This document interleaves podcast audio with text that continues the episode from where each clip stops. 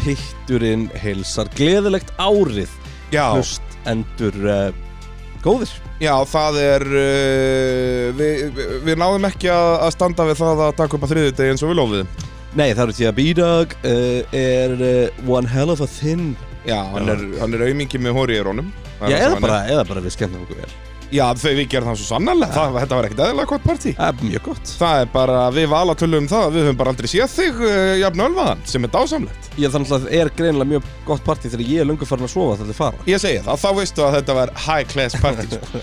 En sko, út að ég segi, og sko líkilættir í þessari setningu að ég man ekki eftir að hafa séð þið svona drukkin Út að ég hef teknilega séð þið svona drukkin, en Oftar þá var ég það drukkin að ég man ekki eftir því, sko Sko, ég var reyndar ekki jafn drukkin og fólk heldur þarna, sko. Þetta, þú varst, þú varst stemningsmaður allavega. Málið þetta var búin svo boring framan af að ég var reyna að keira bara mig í gang. Og ég Já. þurfti bara, ég þurfti bara pínu að feika stemmingu sjálfum mér Já. til að koma mér í stemmingu. Þetta er alltaf, þetta er gamla góða triksi að þú bara fyrir að hlæja fyrir framann speilin Já, þá var bara það í endar, skap. þá endar að fara að hlæja í alvörunni. Þannig ég þurfti að keira mig í gang. Ég ætla ekki að, ég ætla ekki að reyna að ljúga og segja en ég voru bara etru því að uh, það væri uh, Já, nei, þú notaði mjög góða strategíu til að kera þig í gang. Og við fórum út að taka okkur eh, lovely Instagram photos og eh, spreyjum kampaðun á planin nema þú Mhm. spreyjaði svona einum fjórða Mhm. svo þambaður bara Ferrari þess að það verið vatn. Ja.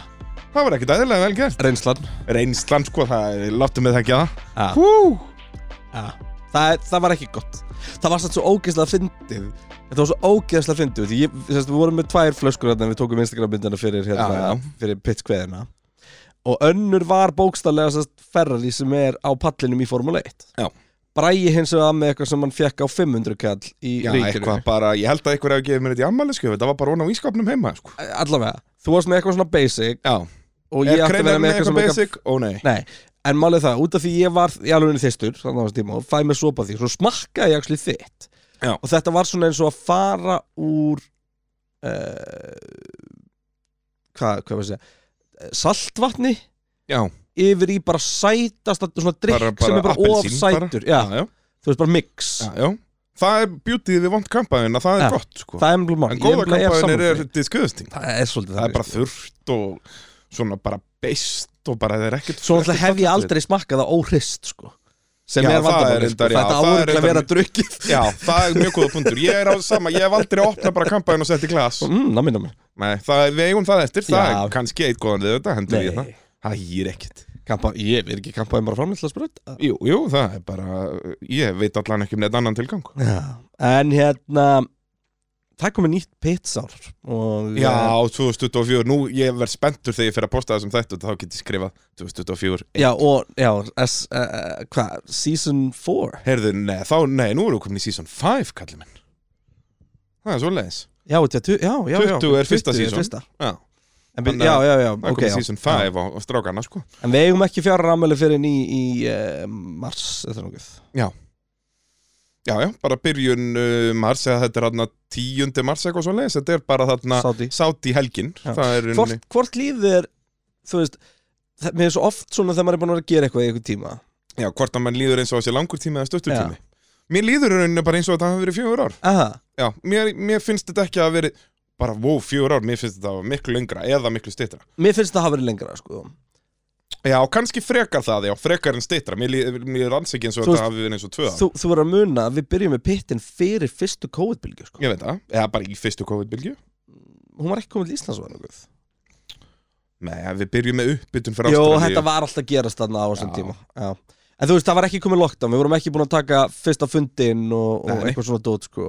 Og þegar ég horfði tilbaka á COVID Þá líður mér svo að það hafi verið bara í mjög mikil í fortíð Já, eiginlega, sko. Veist, þegar það bara eh, bara eins og uh, aðri hluti sem sökka þá reynir maður bara svona einhvern veginn að grafa á svolítið sko. Já, ég held að það sé þannig að hérna, allt sem er leiðilegt finnst manni hafa verið lengra síðan.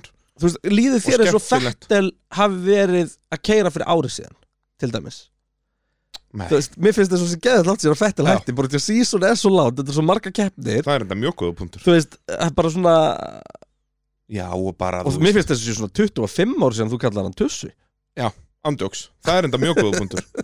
það er bara, það er líka svo fyndið að- heimurinn er búin að, það er, við búum ekki sama heimi og þá. Já, það en að segja er líka svo ógislega fyndið eins og þannig þegar ég sagði við hann að ég ætla að hlusta á fyrsta þáttin Já.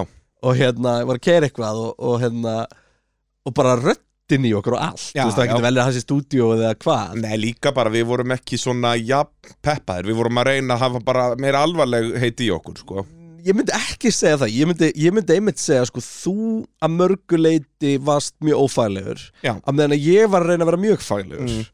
út af því að Við vorum ekki var búin að, við, við áttum eftir að tengjast, sko Við vorum svolítið tvö og, ekstrím. og líka bara sko þú veist hvað við vorum að koma að þú veist, við vissum ekkert hvað vekk vorum að fara út í og þarna náttúrulega kemur bara eitthvað þú veist fjölmiðla þjálfaður uh, Kristján búin að vera í kapastri að svara spurningum rétt og, og svo vinnandi í, í, í sjónvarpi bara og eitthvað svona dót. Og var einhvern veginn ekki alveg svona alveg komin á hana stað að, að einmitt bara átta með á því að maður gæti bara Bara verið tillaður Já, Já. Sem er miklu meira næs í Nóa Sirius stúdíu á podcastöðun Já, heldur betur, við erum að sjálfsögðu nú að Sirius stúdíu podcastöðurinnar og, og í þægilegu samstæru við topp fyrirtæki hlustendur þekkja þessi nöfn og þekkja þessi frasa. Við erum að tala um Dominos, bílaðum búið öskju Sonax, Arena og verkværasalan Komið þið sannlega blensu Hérna Það er ekkert fyrirtæki sem ég þykir vætna um á nýjástag heldur en Dominus Já, komið þið sannlega blensu Það eru komin þrýr Dominos kassar heim núna frá því ég kom heim frá Madeira sem var á þólagsmessu sko. Já. Þetta er ákveðin brekka, sko Bara Þú veist Ég fór Ég sótti hérna Ég fíla svo Dominus-stæðin til Norðurhellu Þú eru glæður að fara þangað Jú, jú, já, Ja. þú veist, ég sé þann Ja. Hérna bara á krónunni uh, Bara, þú veist, þægilegt fyrir mig að stöka þangað Jep. og, og hérna Ég labbaði að inn Já. Ég knúsa allt starfsfólki bara. Já, bara skiljanlega valsa henni í eldús Og bara, thank you for your Thank you service. For your service. Það, það er nákvæmlega sem ég hafði gert uh, undir þeim kringum stað Þau alveg af hverju líktaru eins og uh, viski og æla? Já. Og ég bara Thank you. Thank you. Bara uh, mikið gott og mikið gaman Ja. eins og ekki svo ofta að að kalla. Þetta er í eina skiptið No joke. Þú veist, ég veit ekki, ég var það alveg þunnur, ég var vel þunnur. Mm. Og hérna, þetta er í eina skiptið sem ég bara farið Og bara ekki, ég ætla að fá tveggjalaldra fanta Já, veist, þá emmar, þá ertu komin að slaga með stað. Var nýjástafa brekka fyrir kreinarinn? Já, Já, ég, það var alveg, ég tók alveg klukkutíma bara í pottinum Bara að osmosa mig í gang sko. já, já það er, ó, líst mér á þig maður og hérna og sko það var setni partinn sko veist Já. þetta Já, ég vaknaði bara fjögur eða eitthvað að ég náttúrulega get það aldrei Nei. ég er alltaf svo asnalegur sko ég Já, þú bara veist, fjölskyldum maður, það er ekki, ekki bóðinu, sko eina, þú veist, eina björki fattar alveg að lasinn. þreyttur pabbi Já, já, lasinn. pabbi þreytt nei hann þarf nú sem betur verið ekki að hann lifa við það en, en hérna hann er náttúrulega sko hann er náttúrulega sálufélagið þinn á helgidöðum Já, það er reyndar mjög góða punktur og þú veist honum finnst bara vesin að þurfa að fá sér morgum sko. Já, þetta er bara of mikið misjón Já. Nú þú er ó- heima. bara laugadagar þetta er svo fokkin það, ég, fyndið. sko, ég kemst að því á bara í hvert einasta skipti sem ég hitti hann okkar allra besta að bara ég er farin að vera smeykur um að þetta sé mitt bann sko. hugsa mikið um fasjónið jú. er svolítið fabulous mjög uh, fabulous. og helgitar eru heilægir En það sem er alltaf að stoppa það alltaf er að hann er mjög myndalegur sko. það er rétt. Og svona kann að bera sig bara. Já, það og er, bara veit meir en þú alveg já, sko, þú veist, það er, það er nú ekki mikið til Hann er sann svo mikið límheili sko. Það Er var svo það svoleiðis? vandræðilegt hérna, það var eitthvað jólabóð og þá kom eitthvað quiz Og því að ég og hann eigum svona samtölu, við erum svo mikið nördar mm. við, Og við pælum illa, það er hægt að tala við hann og útskýra allt fyrir honum. Og þetta var bara, þú veist, ef það var ekki spurning um teiknumind Þá var hann með svarið það er Og svolítið ástæðan fyrir því er að hann actually horfið frekar á, þú veist, alvöru myndir Já. Frekar en, eh, barnaefni. Já, bara eitthvað Pokémon eða eitthvað svona já, já, bara svolítið dæmi Þannig að, já þetta er veistla Beðið eftir að fara með hann út þarna í, í, eh, á all söfnin og þetta stöð fyrir að fara saman herði, í já, þið eru að fara til London Ég- er ekki búið að k- bóka það? Jú, jú, jú Hvenær var það aftur? Það er Það bara er bara helgina fyrir fyrstu fyrstu keppni, keppni. já, alveg rétt, alveg rétt að hérna fara á söfnin og Já. eitthvað svona stöf sko. Heyrðu, uh, nú ætlum við sérst að byrja Þetta er fyrsti hluti af þremur séð þetta Já. Við ætlum að fara ítarlega yfir 2023 tímabilið Svona í tilhefna því að 2024 er gengið í garð. Við ákveðum að brjóta niður aðeins og frekar en að vera með eitt þátt að fara yfir 22 keppnir og atbyrjun á milli og eitthvað svona dót. Að, að bara aðeins núna taka janúar í að, í að reflekta. Já, janúar, februar í þetta, eins og segi Þrý parter, út af því að að mér persónulega finnst þetta skemmtilegra heldur en driver rankingið og allt þetta. Nú erum við að ranka keppindar sjálfar. Já. Þannig að nú fáum við loksins svari við því hvað í alvörinu okkur þykir besta keppin sem að er hjúts Já, og og við þurfum alveg að fara bara að horfa á tímabili aftur Já, við já, ég er búinn að vera liggja yfir þessu núna undanfarna daga og það er rauninni bara ég er búinn að vera að horfa á gamla formúlukeppnir og á kafi pílunni náttúrulega. Það er það sem ég er búinn að gera síðustu dag Littler Þessi minn maður. leikur í kvöld. Hú. Ok, þeir eru vantla Ég er með að setja þetta á fyrsta degi Ég er þetta búinn að setja 80 eurur á Littler er- Já, sko, ég er tímlittler Já. Fyrir utan alltaf hann er aldrei 16 ára. Hann er 38 ára gammal 16 ára drengur. Já, og þú veist, hann er með, hann er með betri skeggröð en brallin, sko. Miklu, ég er taskeklingur sko. og, en, þ- en ég Humphreys er sterkur maður. Ég veit að hann er búinn að meðaltalið hjá hann er búinn að Þessi vera leikur í rosalegt, sko. gær bara Hvað, 6-0? Já, og Já, líka, Humphreys. og líka sko Hinn var ekkert endilega að spila illa Nei, nei Þetta var bara ekkert sólar. pyrrandi en, en ég held líka að þetta verði bara Class of Titans í Ég, bara, ég get ekki beðið Að ég Er þetta klóðan átt í kvöld eða? uh, Ég man það ekki Nei. Þetta er alltaf kvöld En ég, ég hef á tilfinningunni Við erum núna peppaði fyrir litlegar. En ef hann er þetta góður 16 þá þólum við hann ekki til 5 ár sko. Já, staðfest Því að það var bara, þú veist Það verður enginn annar með sko. Já, þú veist, ertu búinn að sjá, ég fór að sá bara svona YouTube compilation á honum þegar hann var hann að leika sér. Já, ég meina hann er líka 35 ára keppandi börnum Ég veit það, það er ekki að hjálpa honum. Reyndar gæðin sem var að keppa við í úslitunum þar lítur út fyrir að vera eldri en hann sko. Þetta er bara vitleysa. Ég, Þetta er Guinnessin, sko. Það er að æfa pílu, það gerur það bara á börum. Þannig að þó sért nýja ára að æfa þá ertu komin í Guinnessin Auðvitað. Og Guinnessin gefur Þessi maður kann að splitta G. Já, hann splitt að gefa alla daga. En sko, En í þessu úlingamótið þarna eða youngstermótið þarna hann er bara svona, vildi bara alltaf venda búlsæ, af hverju? Bara að, að því bara bara skipti ekki að er fasta bara töff Ja. bara, en sko, þú veist, hann er 16 ára Já. Og hann er í erfiðu skoti Og hann byður um meir læti í salin já það er alveg veistla, sko Hann er ekkert eðla svo á, á gamnáskvöld var hann hann, bara hann heima svo, opna pakkana hann er svo ekki nettur Hann er ekkert eðla nettur já, ég bara, ég elska hann Já. hann er líka bara byggður eins og sannur íþróttamæður alveg eins og brallinn Jú, jú, jú. Það við erum Þeir, með sama, við erum, að velli. við erum mjög líkir að velli, sko. Það er ótt að segja það. Það, ég mynd horfi á hann og, og horfi á þig og hugsa bara ef og hefði, ef, það er ekki lengt í axlameðslunum hann Já, nákvæmlega, þá var ég bara uh, í allipalli Þú veist þessi draumur væri það ef ég geti verið í salnum og hvetja þig í allipalli Já, nákvæmlega, þú splittandi gen og hægri vinstri og ég bara svo töluður upp á sviði. Þú líka með ekkert eðla mikið fans í stillimynda jakkafötum í Það er salnum. bara rétt, Það var Allipalli einn- væri bara Þú veist það er einn spilari sem er stillimyndaspilari Ég veit að hann er með að uh, á pílunum, já, og í galanum Já, og já, eitthvað já, sko. já, já, já, já, já, blessa vertu minn maður, ég man ekkert hvað hann heitir. Hann er ekki mjög góður, Nei, það er ótt að segja það. eru líkir. En það er Bergerinn kom náttúrulega með besta sem þú hefur líka komið með nokkurnu sinnum uh, þessa kenningu, ef ég myndi fara í Allipalli Mhm. þá myndi ég náttúrulega mæta bara í galaböksum og hvítum ból Já, eða í einhverjum, þú veist, eða bara í einhverjum bara smart suit sko. Já, mæta bara í kvöldska jakkafötum bara hérna bara í eðlilegum flottum jakkafötum Já.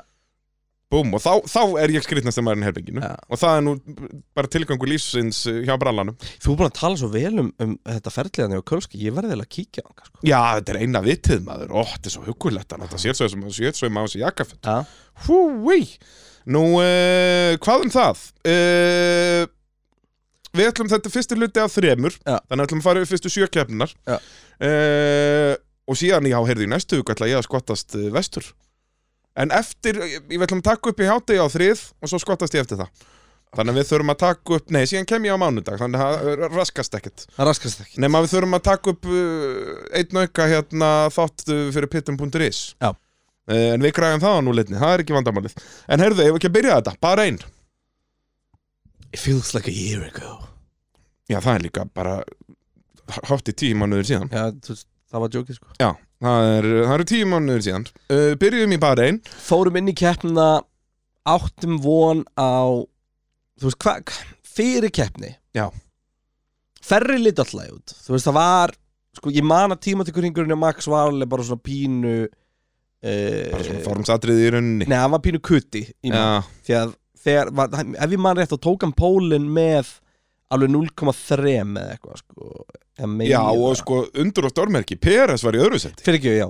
Hann var 0,3 á undanleg kler Já, en Peres Pe og, Já, Peres actually bara, þetta er örugglega best tímatakkan á árinu Því Já. hann er bara 0,14 og eftir, eftir max sko. En hérna En það er oft þannig nefnilega með Max. Ég talaði um það um daginn hérna, þegar Alexander Albon var í High Performance podcastinu. Mhm. og Albon fór að tala um sem sagt, hvernig bíl Max Verstappen vill.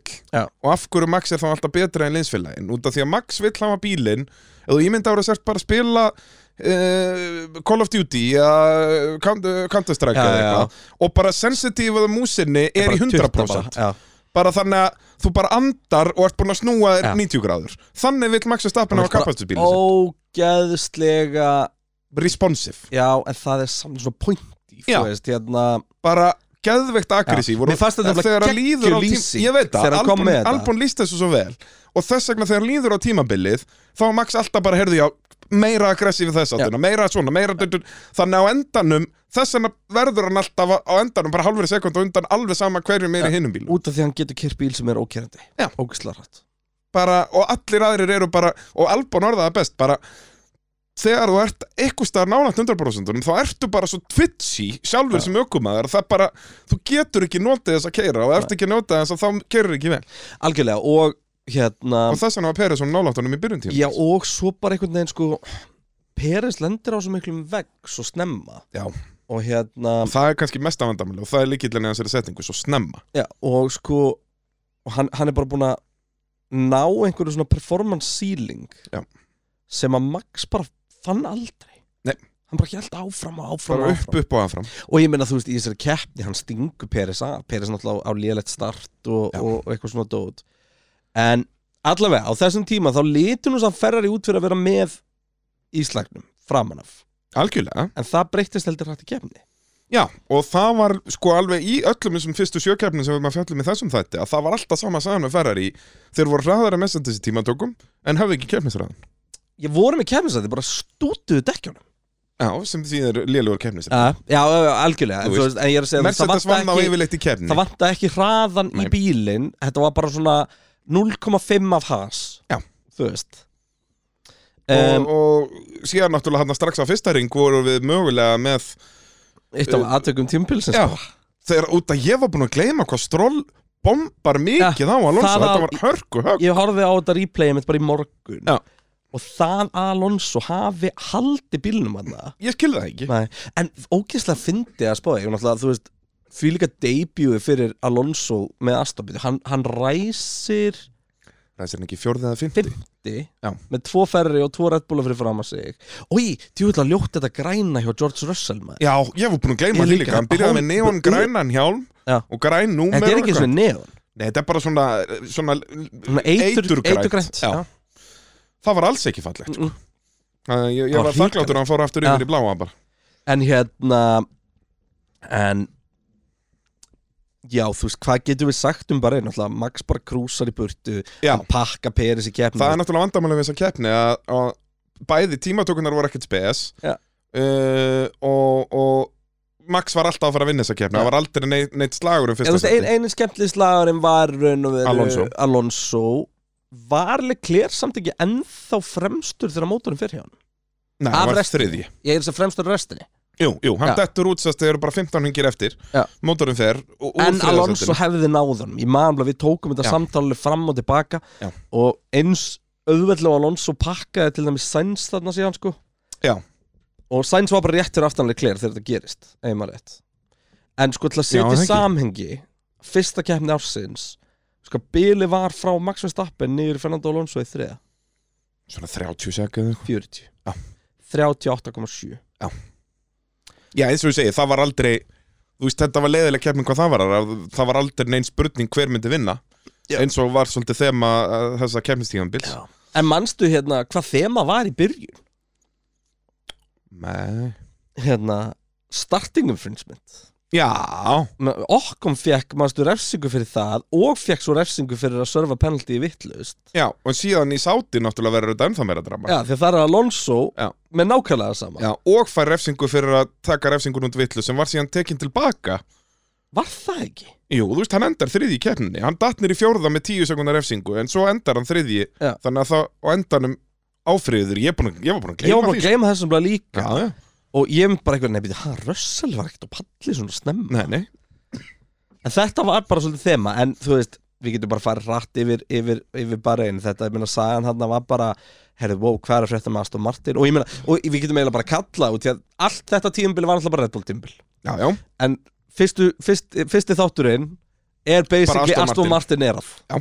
Þú veist. Og hérna og náttúrulega bara einn alltaf áhugaverður bara út af þetta fyrsta keppni, skiluru já, algjörlega. Og fyrir fyrstu keppni var hún ekkit allslæm Nei, þú veist, ég hún var bara henni ekki sexu. áhugaverð. Já, það er bara, ég, held- ég get bara gútið það En það ekki, bara solid sexa. Já. bara, hún var ekki, ef að fimma er bara alveg með Já. þú veist, það gerðist eiginlega ekki neitt en hún var samt ekki umuleg Já, ég segi það, fimma er henni lélegt skor Já. en, en samt bara, þú veist, já, akkurat bara með forvitin að vita hvort það fer einhver keppni á þessu tímbili yfir, þú veist, í áttu. Já, við vorum með þrjár Vegas allavega mjög Þú veist, við, þú veist, Singapúr og þessar keppnir á Vegas, þær eru ábygglega alveg að slefi nýjuna. Já, en hvað þarf tían þá að hafa, sko? Já, þú veist, ég, ég, hef svona tilfinningunni að engin keppni ár hafi verið nálagt í að vera tíja Nei, þú veist, ok, eins og Sandvort Ef að við höfðum fengið slag um fyrsta sendið, það er alvöru slag um fyrsta sendið já, Þá er það orðið rúmlega ný nýja, sko.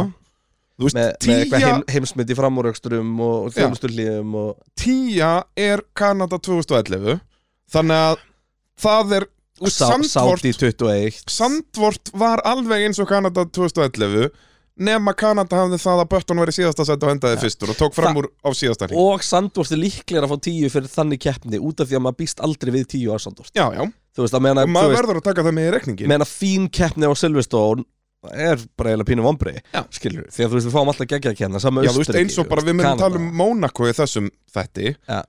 Ég gef henni alveg svolítið góða einhvern út að þetta var Monaco Já, og svo hún var kaos og tímatökundum voru styrlaðar og þú veist, algjörlega og helgin var bara geggjuð sko. Og bara þú veist, ég meina, þegar ég horfði á reviewið bara, það er komist að horfa á fyrsta ringi gegnum kasínó Nei, Já, ekki, og nei, bara í gegnum, hairpinni. í gegnum herpinni Já, bara þeir þú veist, þetta er stoppa bara, bara. já, Og þeir voru, þú veist, líka í rigninguna þessu Þeir fóru ábygglega þrýr, fjórir í vekkin Já.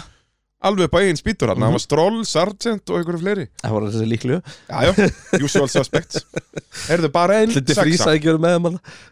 Já, já, 100 p, okkar allra besti. Bara einn sexa, ég held að, þú veist og það er voða lítið að tala um hana og, og Nei, nei, bara, þarna- ég held að við séum búinir að því bara. Þú veist, kannski eina svona sem er er náttúrulega, þú veist að svona eftirminnilegt eftir þessa keppni var náttúrulega að, al, hérna, Albon skora stig í fyrstu keppni þannig að Mhm. Williams allt í heyrðu Og Alonso með mögulega overtake of the season sko. Já, þannig hendur sér fram úr Hamilton, Hamilton já, í tíundu beigul Ég var líka bara að gleyma, hann tók líka geggjaðan fram úr Sainz Já. En hérna Og Russell náði að, að halda sæti sinu ekki eftir þegar Já, hann hangir manstu utan á- líka eftir þarna skrýtna mómentinu þegar Alonso er að þvinga Hamilton einhvern veginn á innanverðin í fjórðubeginni Já.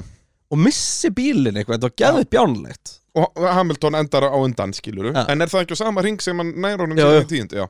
Hérna, en já, En- hann tekur sænt í 11 eftir þess að beinakablan tíunda er beigjan sem er kreppist hann til vinstri. Já. svo kemur beitkabli og önnur vinstri Já. hann nær honum á þeim beinakabla og það sænt slæsir inn í tíundu. En framarakstun ásir eiginlega stað út af því hann pressar hann svo mikið inn í tíundu sko. Hann framarakstun þvingar sænt á innanverðin og það sænt var búin að sjá framúraksturinn á Hamilton. En þarna sko Ég hefði gamlega því fór yfir Highlandin. Stroll var ekki jafn ógislega lélur um myndið hann sko.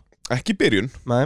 og, En stjarnan þarna Svona eftir á higgja ljósið hvernig þetta sísón þróaðist Lítur samt líka að vera valdur í Bottas. Já, þarna var Alfa Romeo bara fín Já, þá var að berjast þarna um sjötta seti framan af sko, Mm. vissulega datta niður en hann, hvað, hann endaði hann, níundi hann eða ekki? piktaði líka fyrstur eitthvað þá við að því hvað öndurkötti í ár var bil ógeðslega stert liðin þarna vissu það ekkert Í fyrra í barinn var hann ekki stert Út af því að þá náttúrulega áttur alltaf hann ógeðslega útring með kaldari dekk manstu. yep. Manstu þegar Hamilton tók fyrsta pitstoppi í fyrra? Í bara einn 22 Og ég við vorum gleymi bara, hvað er að gerast? Bara, hann, hann, hann hefur fengið göllu dekk. Já, bara það er eitthvað að.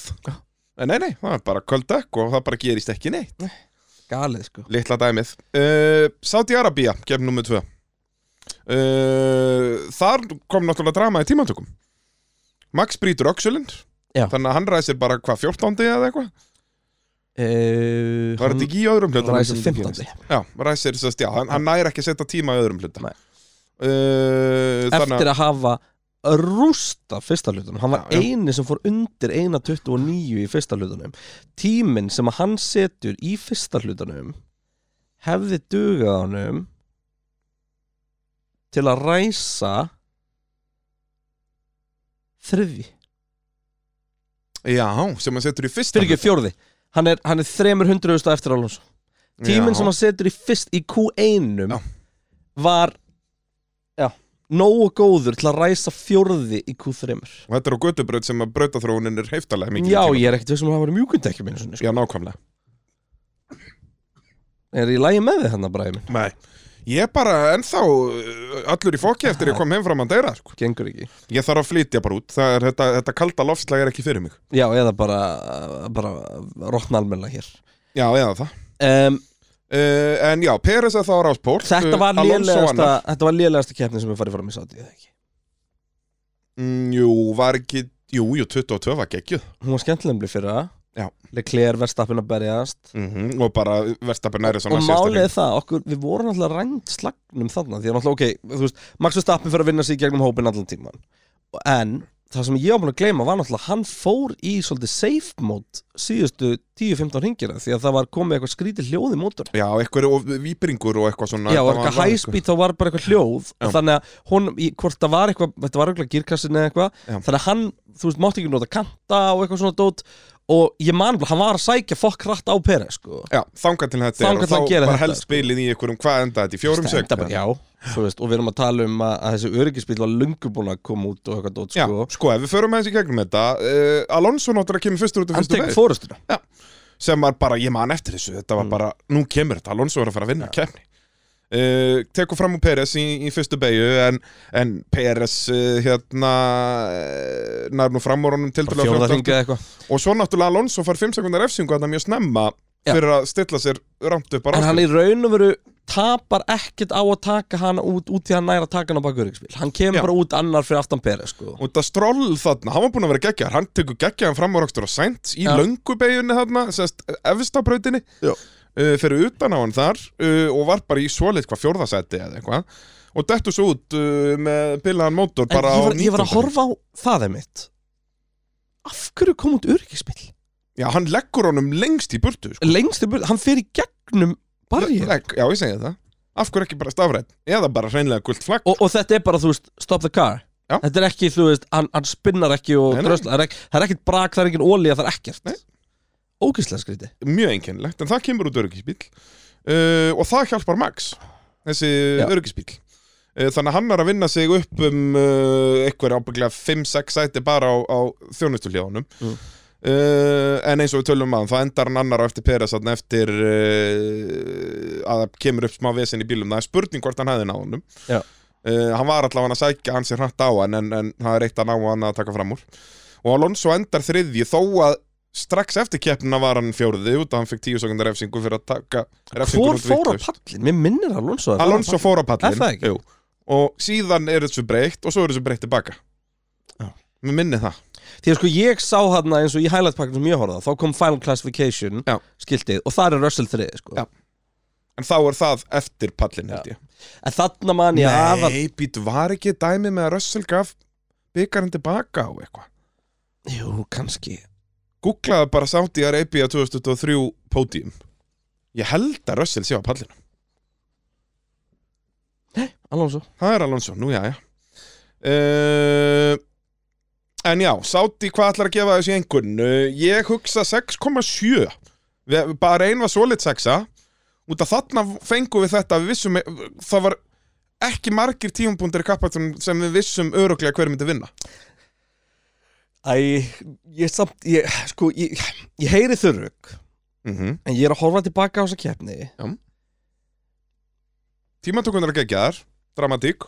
Jú, ok, 6,7 kannski Já, jú, kannski Og það var fullt af ykkur framröstur með ykkur dóti Já, já, já. Það var hann að, þú veist, ég man að Piastri var fítn hann Og Já, hann var þetta var svona fyrsta keppni Hvort hann skor ekki Já neða sko, hann lendir í að brotnar ekki aðeins á framvagnum á fyrsta ring og eitthvað hjá honum. Það var fínn í Hann kosti Q3 í fyrst skipti. En síðan Um, lendir hann í kontakt á fyrsta ring sko. Já En ég held að hann hafi nú ekki þurft að skipta um framvangin um, Að menna Lando var að mitt Bara síðastur. Já, eins og gengur að gerist. Um, Sko Já, já, jú, jú, gútið það. 6,7 Er Já? Hún jú, var, hún var, aðeins, hún var betri aðeins Bahrein. betri en bara einn, það er rétt. Já, þú veist og bara Þetta er svo stór meira hlutur. Já, ég veit það. En það er bara svo stór hlutur í Formule 1 Að við vitum ekki hver mun vinna. Já, já, en þá eru tvær keppnir og getur bara gefið öllum fimmu. Basically.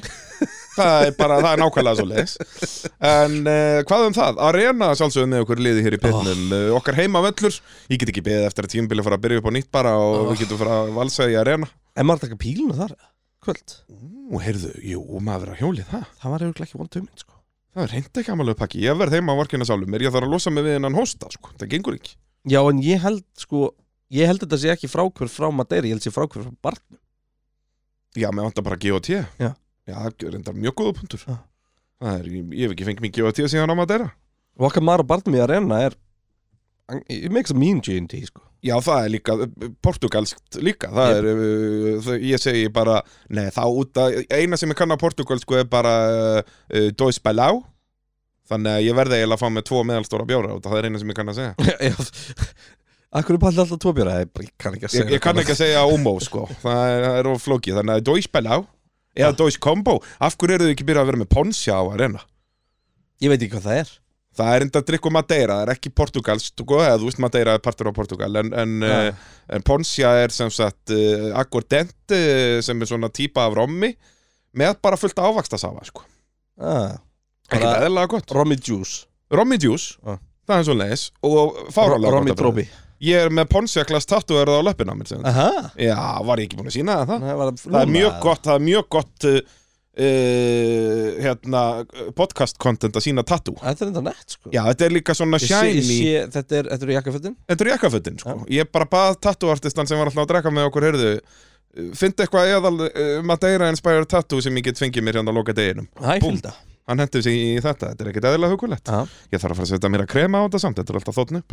Eða hella smá Romy á þetta Eða hella smá akkordenta uh, á, á flúrið. Uh, þriðja keppni tímabilsins var Down Under.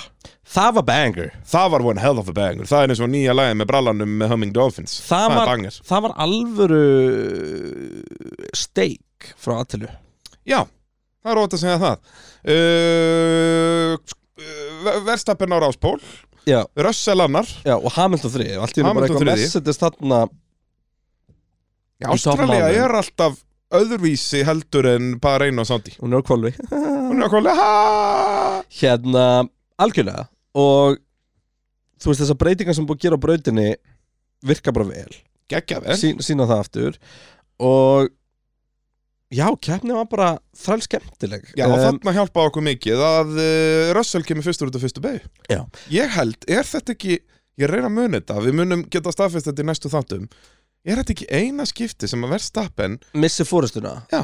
Nei, sko, ég man bara að starti á verstapin í Ástralíu var bara eins og hann var í sofandi það var bara eins og væri einhver ann, það var bara eins og Peres var að kera bíluna Já. því að hann, hann missir ekki bara Russell, hann missir líka Hamilton eða ekki? Já, í þriðu beig Sem sagt, ekki í Já, Það kemur þarna fyrst á önnur og svo í þriðju beig fer Hamilton fram já, og hann er bara heppin að missa ekki fleiri þegar Hamilton pressar hann vel út þar Já. og svo aftur í endur þessu ég man bara alla ræsingar verstapin en dag voru bara sorg Jep.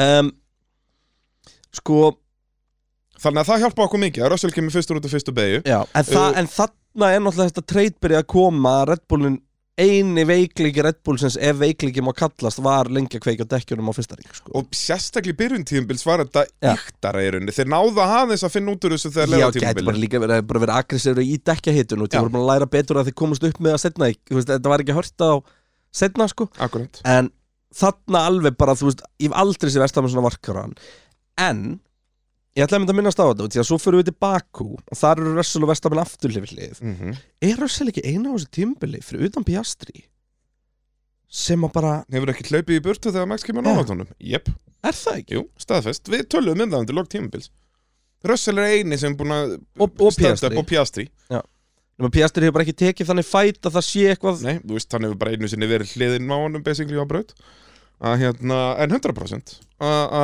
og Russell bara í fyrstu beig bara I don't give a fuck. Já.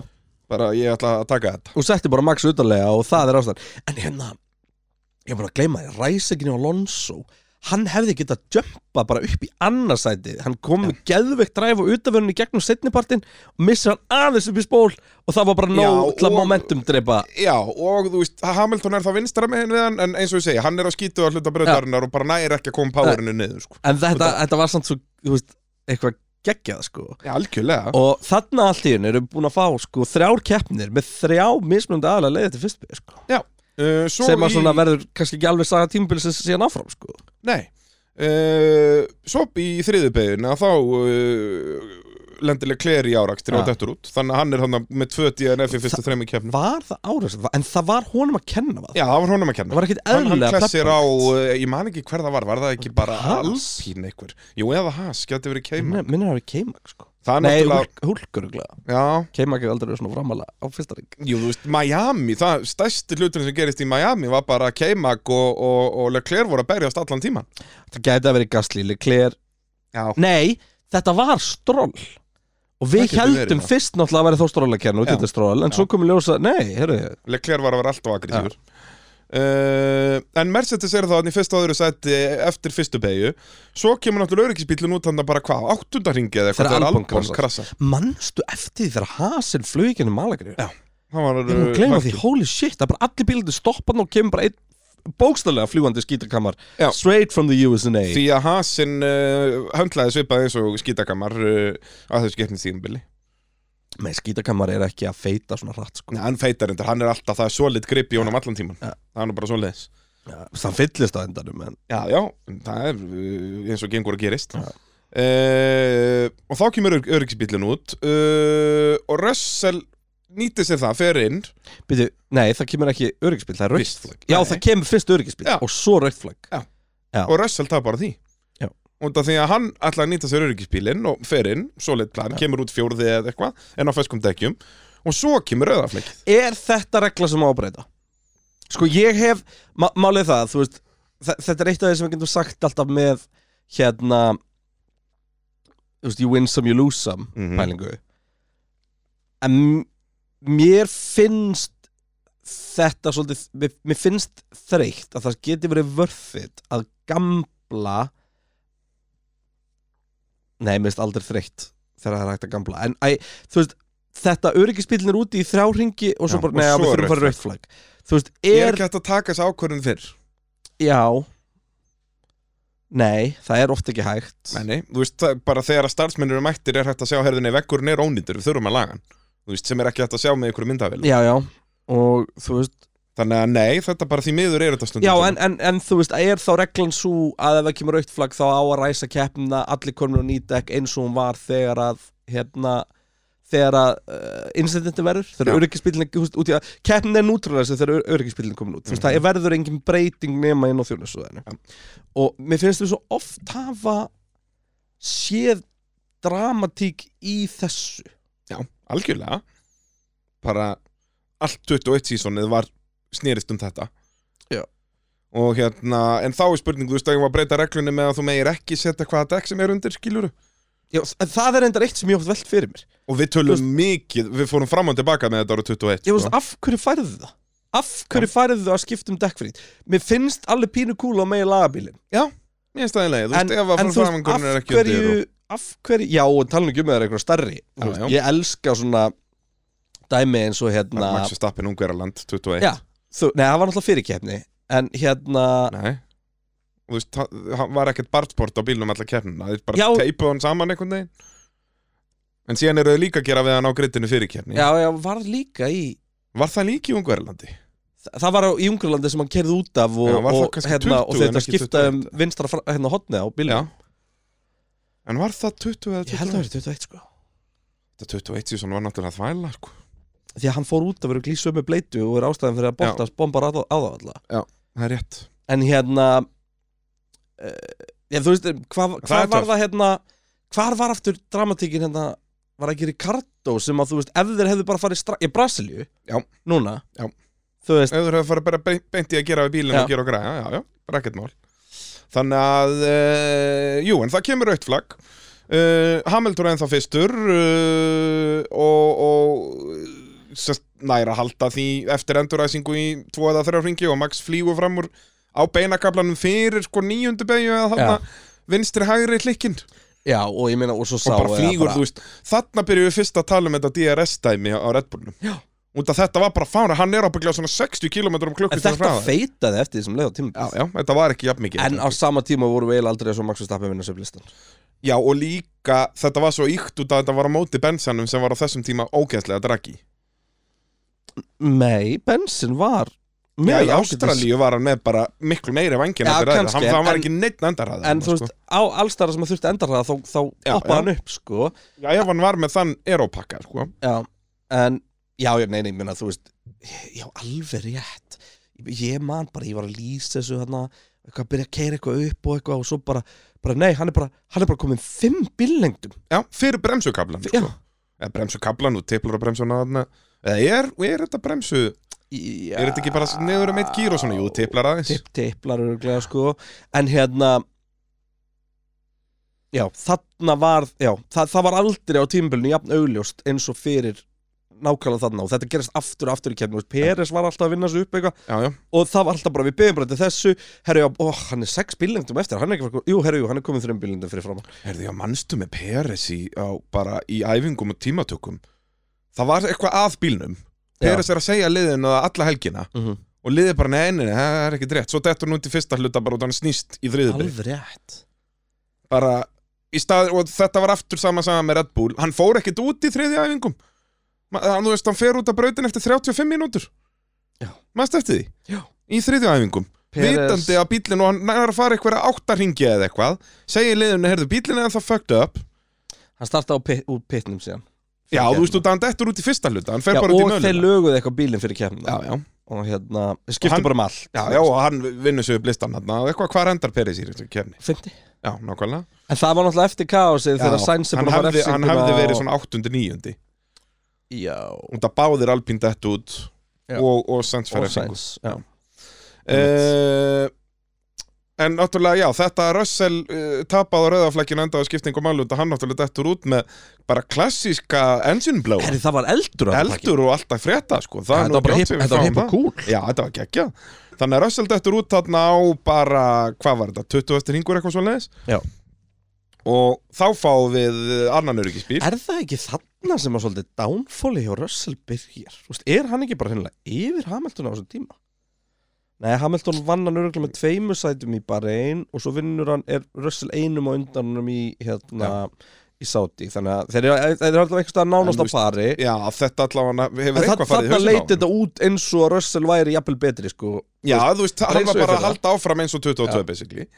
Uh, En dettur út þarna Svo þarna þegar það eru bara fjóri ringir eftir eða eitthvað Þá fer K-Mag í veggin út úr annari bygg Það var mjög einkennilegt, það er ekki oft sem við séum ökumenn fara í veggin þar. Vorum við ekki alveg vissir um að að það hefði eitthvað brotnað?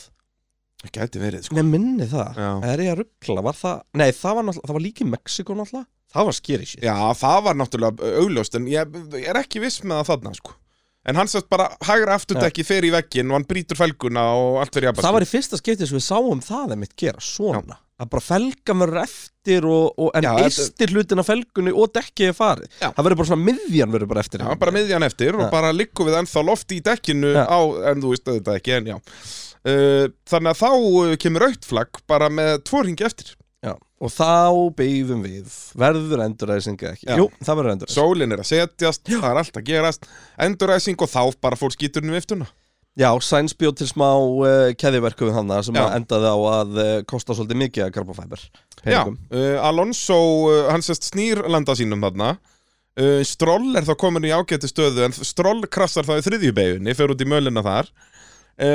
Og svo náttúrulega alpínarnir eru bara á röngum stað á röngum tíma. Man ég ekki rétt að eftir þetta kom öryggisbíl og keppnin klár, eh, við fórum aftur á stað fyrir aftan öryggisbíl, við byðum eftir Já, en við því fórum ekki aftur á stað, þú kláraðist fyrir Já. aftur öryggisbíl. en þeir letu samt keira þennan síðasta ring Já, og það er verð að gera það eitthvað að, ef að keppnin er auðflöku, stoppa hana Já. Veist, og hún er komið það að það er full stig Já, já, og það var bara, þú veist, ökumenn sá ekki neitt út að sólinn var bara akkurat beint í augunum að Já. Bara, ég hef aldrei, veist. Og við býðum líka hann ábyggli í góðar 40 mínútur bara eitthvað, jæja, bara verið að taka til að brautin til að Já. vera einn ring með öryggisbíl. Já. litla þvælan, sko. Var það bara til þess að láta Sainz þjásta eins lengur? Já, og setja, þú veist, Alonso aftur á sinn stað og eitthvað svona Já. dæmið, Þannig að, jú, mikið drama í endan þarna. Og fyrir viki gef ég Ástralíu svo lit áttu. Já, Það þarna var líka þetta að var, við vissum það ekkert alveg allan tíman hver myndi vinna Þú veist, jú, jú, þetta leit vel út fyrir Max. Eftir á að higgja vissu við allan tíman en á þessum tímabúti vissu við ekki hversu dominant Red Bull Nei, og bara, þú veist, Hamilton er þarna annar við hliðina á honum í enduræsingunni Já. og Verstappen búin að eiga lélega ræsingu Já, veist, þannig að það var mega pepp þú veist, ég man hversu peppaðar við vorum. Já.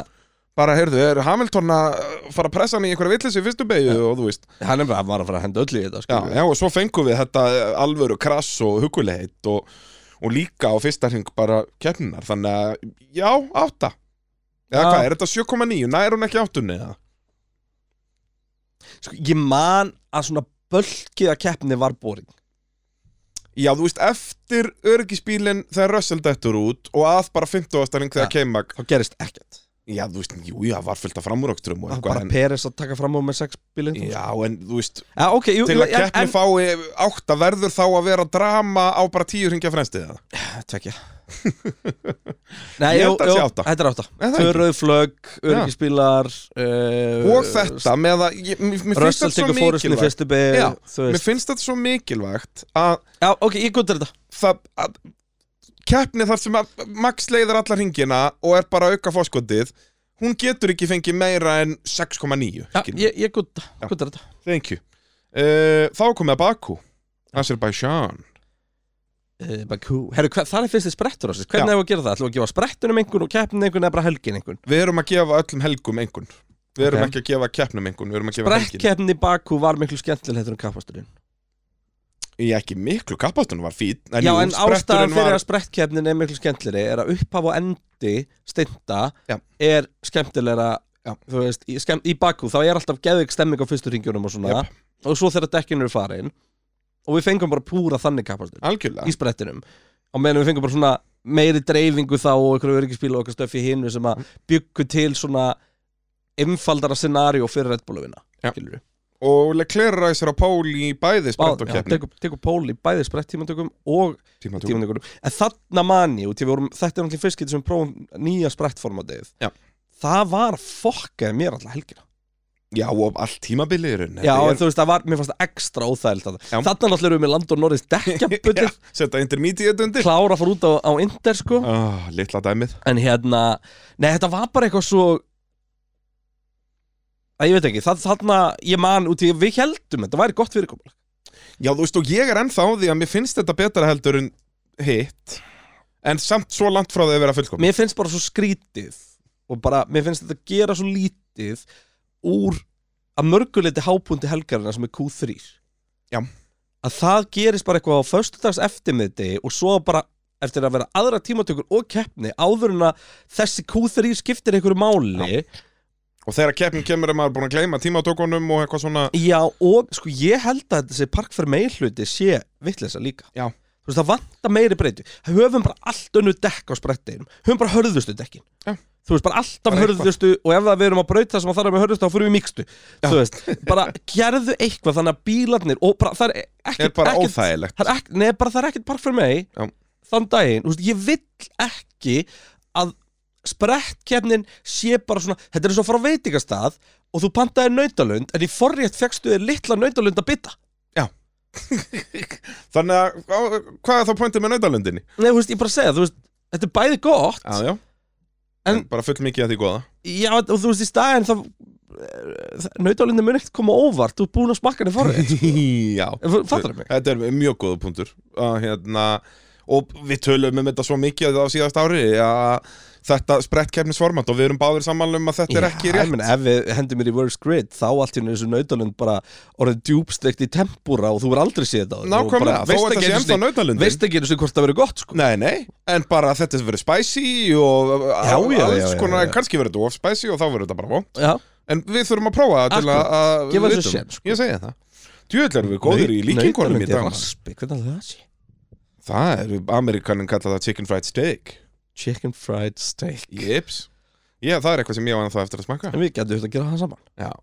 Það er, eh, ég persónulega væri ég bara til í fyrir ekkar í chicken fried Sleppa steikar hlutanum að En jú, jú, það er eh, Við prófum þetta Við saman. þurfum að prófa þetta, það er bara svo leið Við erum menn fólksins, við tökum svona hluti á okkur. Já, nú í spretnum að þá náttúrulega fengum við líka Russell og Max dramað Það heldur áfram. Já, og, og sko, Og þú veist, Max og ég verður ætla ekki, einu sinni- ég, ég ætla ekki að kalla það drama.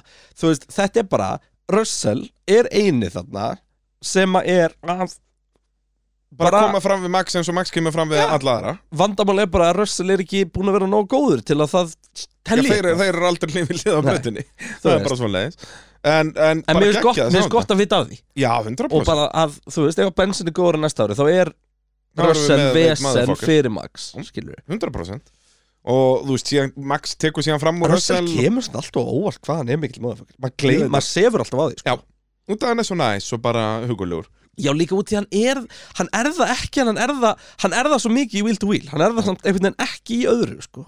Já. Hann að, já uh, Leclerc á Póli keppninni síðan aftur uh, Já, betur, hvað Peres vinnur sprettin eða ekki? Jú, Peres vinnur sprettin Já, og Max er með damage þar Já. Þannig að hann er þriðir, aldrei eða? Eða náðan Leclerc. Uh, Látum okkur sjú, var ekki leiklir annar? Svo, Azerbaijan. Er hann ekki þ- Max annarkvort þriðji Ég horfði ekki á sprint reviewið sko. Jú, Peres Leclerc Max Russell Það er uh, það sem myndi. En Max er síðan komin í fyrsta seti í keppninni strax á fjórðarhing sko. Þetta var ekki lengi gert. Og er að fara að hlaupa burtu með skip Já, og Peres hérna komin upp í annarsætti Þeir kom, fara báðir fram úr uh, Leclerc þarna Peres við fram úr honum á sjötta hring. Já, leika sér bara sko. Já, uh, síðan byrja pitstoppin hann á tíundar hring Og hvað gerir þá Nick de Vries? Hann skellir sér í veggin eins og algjörauðli. Ekkert eðlögulega Og Stroll átti síðan eftir eldunum, það var mikið gott. við- Nefnum hann Stroll slapp við tjónið sko. Ég man bara þegar, þegar þetta gerðist. Við Já. vorum bara, og lítið hann alltaf krassaði líki tímatöku. Já, og var búinn að bomba aftan á Sargent þarna í Ástralíu. Bara þetta var Nei, ég, ég átt hann ekki þrjú kröst í bakku? Var það ekki líki Nei, í sprettin? var það ekki Nei, það var svo nóta sem krasaði í sprettinum Og síðan náttúrulega var Gastli í rugglinu líka manstu, fyrir Alpín. Sko de Vries ræsir síðastur í hérna sprint shootout og því hann setur greinleiki tíma hann með eina 48 Já, ok, já, hann krasaði tímatökum. Já, og ég held hann hafi líka krassaði hinn tímatökunum sko. Það geti verið Okkar allra besti maður. Já, hann krassaði báðum tímatökunum. Voru að mæri good man, segja nú bara. Jip, eða gerir allavega nógu stór mistök í sprett tímatökunum til þess að tímina sér, þú veist, fjóru sekundum eftir Já. næsta, þannig að annarkvæmt er þetta uppbytunarringur eða þó hann gerir bara ekki huge mistake. En, uh, Þannig að, hann- jú, hann krassaði þrísvar þessa helg já, þess að keppnishelgi. Og gott ef hann gerði það líka í æfingunum Nei, sannlega ekki Nei, því hann var hann var ógeðslega góður í æfingunum. Alveg rétt og svo bara hann ofpeppaðist en Það þa er rétt. þetta er líka helgið þar sem að okkur hérna bíllinn- Nei, Gastli Nei, já, Ga- það báðir, já, Alpín voru Já, bara já, rugglinu það var gastlíð sem Já. að bíllinn fer í hakk í, í æfingunum Já.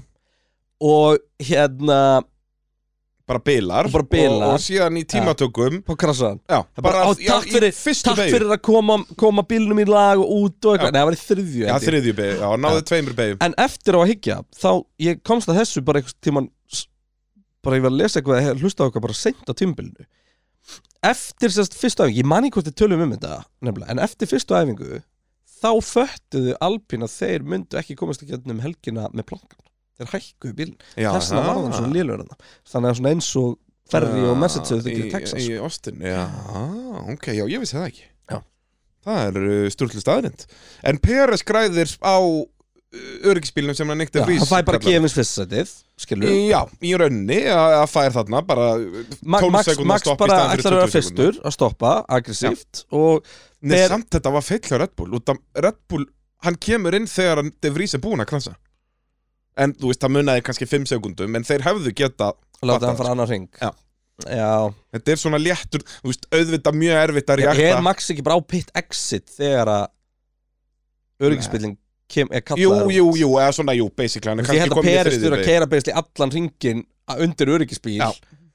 og En Max náttúrulega líka, bara á, á deltunni uh, Max fer framúlega kler strax í rístartinu uh, Og Alonso var aftur þarna með mögulega overtake of the season. Manstandi því á Sainz? Í bara, þú veist, sjöundu beigju eða eitthvað. Bara við höfum aldrei séð framúrakstur þarna. Alveg rétt. Bara í hægastöfinu alveg rétt. Bara Sainz fer ekki að innanverðinu og Alonso bara, er já, þá skal ég bara gera það. Geggjaður. Já. Það er Alonso, þú veist, þessi byrjun á tímbilinu Þetta var geggjað Þetta var nefnilega gjössanlega ekki Það er bara svoleiðis. En Síðan er þarna að, jú, jú, Peres fær fyrsta setið en Max átti ekki breyk. Þeir voru bara, þetta, þetta er eina keppn á tímabili sem við voru að pari Já. Max átt að vinna sátti sammála það. hann, hann, var miklu betri hann var hraðari, hann bara Þetta síðan er kemur sér eina bílum keppnum tímbilinu sem að Peres er jafngóður Já. eða hann held honum bara tveimur og halvri fyrir aftan sig en þú veist, þeir voru báðir kissandi alla veggi sko. Það var magnað að horfa á, Já. á reviewið eftir þessa keppni En það sem að ég var búin að heyra sér núna eftir þetta er að uh, Max sagði við sitt heimi þarna mm. hann vinnur mig aldrei aftur á þessu tímbili hann var vist brjálaður Já. já, út af því að Peres vinnur hann on merit Já, þú veist þú veist, Pe Peres hefði ekki unnið held ég ef Max við, fyrir við fram. töluðum samt um þetta, ég man í pittinum, þú veist, reviewinu Já, eftir en bara eftir á að higgja, þú veist, þá voru við bara líka ennþá pínu jákvæðari á að það væri meiri slagar Já, að Peres geti mögulega kert formúlubíl.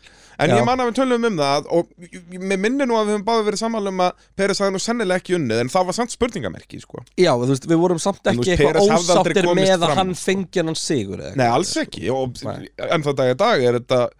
þannig séð alveg legit ég held sigur. líka, ef að Peres hefði reynd að fara fram á Max Max hefði frekar kert á báða út heldur en að Já, 100% Því að þarna var Max ennþá óþægilegur í þessum mindgames Búin að tapa tveimu keppnum Jep. Skilur, þú, eða fyrir ekki að tapa þá annari keppni þarna Mhm. Skilur, og, og Peres bara Þú veist að byrja tímbili bara fín Já, og, og þú veist, þetta fokk upp í Ástralíu þú veist, Peres svaraði fyrir það þegar að- það búið að breyta bílnum þú veist, og eitthvað svona dót. Þannig að hérna, Já, gata allan að fæna sig fyrir bak, aftan það að, að þetta var fokk upp í bílnum sem Já, að já. fokka á honum í tímatöku Já. uh, En Baku, ég gef henni svo lit sjö Sest keppnis helginni já. Já, með, þú veist, mér rámar í að það hef mynd, miðkablin var, þú veist, freka döl en að öðru leiti Já, var já. þetta bara hörk keppni, sko. Já. og, þú veist, Max var alltaf þú veist, það var alltaf þessi slagur aftur þetta að það var alltaf spurningamerki hver myndi vinna keppna og það er bara huge. Já, já, sjö, ég er sammála. En það ekki? Já. Uh, Verkværasalina sjálfsögum með okkur liði hér uh, í pitnum komið sæl og Verk, blessuð verkværasalan fær enga sjö, það er tíja Já, það er tíu alla dag Það er nú bara, við ætlum ekki að flækja það mál uh, Hægt að fara inn á waffs.is og uh, það eru alltaf tilbásvörur þar eins og enginn sem Já. morgundagurinn sko, það eru mjög góða tilbúsverður í og byrði nota kóðan pitturinn þar Hvað Já. er það? 10% afsláttu? 15? eða? uh, 15% afsláttur Já. með Colin Peturinn en ég, ég er að skoða tilbúsverður Mm. um, Sko Bræ, þú, þú er lengi talað um að vilja fá talíu í Svefnbergið Já, það er ég mikil talíu maður. Sko, það er hérna frá Ingersól, Ing, Ingersól Rand. En ég er bara að spá, það er sem sagt sko Það er hinda skrítið sko. Það er tveggja tonna keðutalja Já, það er nóg fyrir mig og, og partner. Já En sko þryggja tonna er ódýrari En það sem ég er að spá. Er það ekki út í að þú kaupi tveggja tonna? Nú nota man alltaf bara talíu í Svefnbergjum Já, já. Og en þú vilt ekki þú veist, er ég þryggja tóna talið en herbyggja sko. Já, að það sé bara of mikið sko Já, þannig það að þú veist, ég, er, ég, ég veit ekki akkur tveggja tóna er ódýrari, nei, dýrari sko. Já, en er þetta En sama ég held, merki? já, já, þetta er bara alveg eins talið að já, mér já, og ég veldi fyrir mig hvort sé einsláta vilja og fólk getur stokkið á það og nýtt sér Já, það. það er kreinarinn er að önveil einhverju hérna. En mér finnst þetta, ég bara, ég bara, ég, bara veldi þessu Já, það er, þetta er rock solid. En allavega, þú En veist að því að talja er og hvað kostar? Sj, hún er á 73 skall. Það er ekki nýtt. Nei, ekki fyrir. Það var það í naðabili, þetta spara manni vélagalgan Ætlaði maður að fái talið í blössa? Það er svo önnur, önnur, önnur spurning sko. Svo er til hérna, jú, er það líka ef þú- vant að tala í hana budget þá er það líka til. Já, er það? Ja, Ég mæla samt ekki með talja on a budget það, er, það er svolítið svoleiðis En þetta er, ég man að við vorum með talju í Það var ekki gjáhællun, það var eitthvað staðar Þetta er mjög sniðut sko, í staði fyrir að vera með vélagalga og Já. svona dót sko, það bara út af þú getur notað þetta svo mikið sko. sko. Já, við segja það, bara monta þetta upp og allir lögrandi léttir Já. Heyrðu, Miami var fymta umferð heimsveistaramótsins uh, og þar það ekki náttúrulega laugadagurinn það, var, það var Miami sem var með flesta framúrakstra Já, það getur verið Það var það ekki Já, það, verið. þe eða, Þegar að Miami var þá var sett eitthvað met í framúraksturum og okkur myndi eftir keppna það hefði ekkert gerst Já. Bara og ekki það, þú veist, Spotn var síðan eins Já. sem var uh, hérna sjöndakefnin Já. bara endalaust af framúröxturum en allir, enginn af þeim skipti neina máli Já, þú veist, eina sagan í Miami þessar tímatökur voru náttúrulega styrlaðar sko. Já, þú veist, eina sagan í Miami var Max Verstappen henda Sergio Pérez í Mhm. Hakkabuff. Uh, Peres kom aldrei tilbaka. Leclerc krassar í tímatökum uh, sem Já. gerir það að verkum að Max næri ekki að setja tíma. Já. Max náttúrulega, þetta er í setna rönninu en Max gerir mistök í Í fyrra Já. þannig að hann var ekki búinn að setja tíma mm Þannig Sem að Max að ræsir uh, Tíundi. níundi. Já, ok, var eitthvað með refsingu? Uh, Nei, Bottas bara Setti heldur ekki tíma, já. Ok, ræsir uh, Peres á ráspól og þarna hugsa maður, heyrðu ok, Peres er þarna bara, hvað var hann, 60 um eftir honum í heimsvöldaramundinu eitthvað svoleiðis, þeir voru bara jafnir. Já. voru Og Peres náttúrulega á bara að vinna þessa keppni. Hann er á Já. sama bílnum, hann ræsir fremstur Já. Max er tíundi, ef maður eftir að koma ekki þessu út öryggisbíl þessa keppni, sko. Uh, Jú, að koma út öryggisbíl Einn held ég. Var ekki Gastli að krassa út úr hérna Nei, Gastli klára, það, nei, var í það var ekki öryggisbíl Var ekki, nei, það var Það kom ekki öryggisbíl Annars hefði ég nú skrifað það niður hérna, Það kom ekki öryggisbíl uh, En Peres Já, átti bara að vinna datt, það þetta. datt enginn úr leik. Uh, Já, þarna við, fórum við þrjárkeppnir röðar sem enginn Já. datt út. Uh, En Max er náttúrulega á hinni strategíunni. Það ræsa allir þarna á millhörð og fara yfir á hörð. Max ræsir á hörðum. Já, en það er enginn öryggisbíl sem hjálpar hann þannig. Ekki veist, neitt. Og e, e, sögulega er þetta verri strategía Við höfum séð það Ég hef aldrei skilið þessa pælingu Ég hef aldrei skilið sko ég, þetta, þetta er svona, ef við, ef við fengjum hérna, Adrian Newey í viðtalegt um hann Þá er Mm. þetta actually spurning sem við spyrja hann Sem er Já. bara, þú veist Er, þú veist, ef það væri engin samkeppni Þú væri bara einn út á brautinni Já. Og ætti bara hámarka tíman Og þú þarft að hörð og millihörð Hörð og mjúk, eitthvað líka Er í alvörun ekki hraðari keppnistími Að nota harðari dekkin Þegar bílinn er þingri Já, og vera svo eldsnökkur undir lokin á léttum bíl Já. á mjúkum dekkjum. Þú veist, maður myndi bara, þú veist, eftir því sem að eftir því sem að bara, þú veist presa kallins, kallins þingist þá ættur þú faktisk sé að vera á harðari dekkjum. Mm skilur, því það er bara meira, þú veist, af öllu.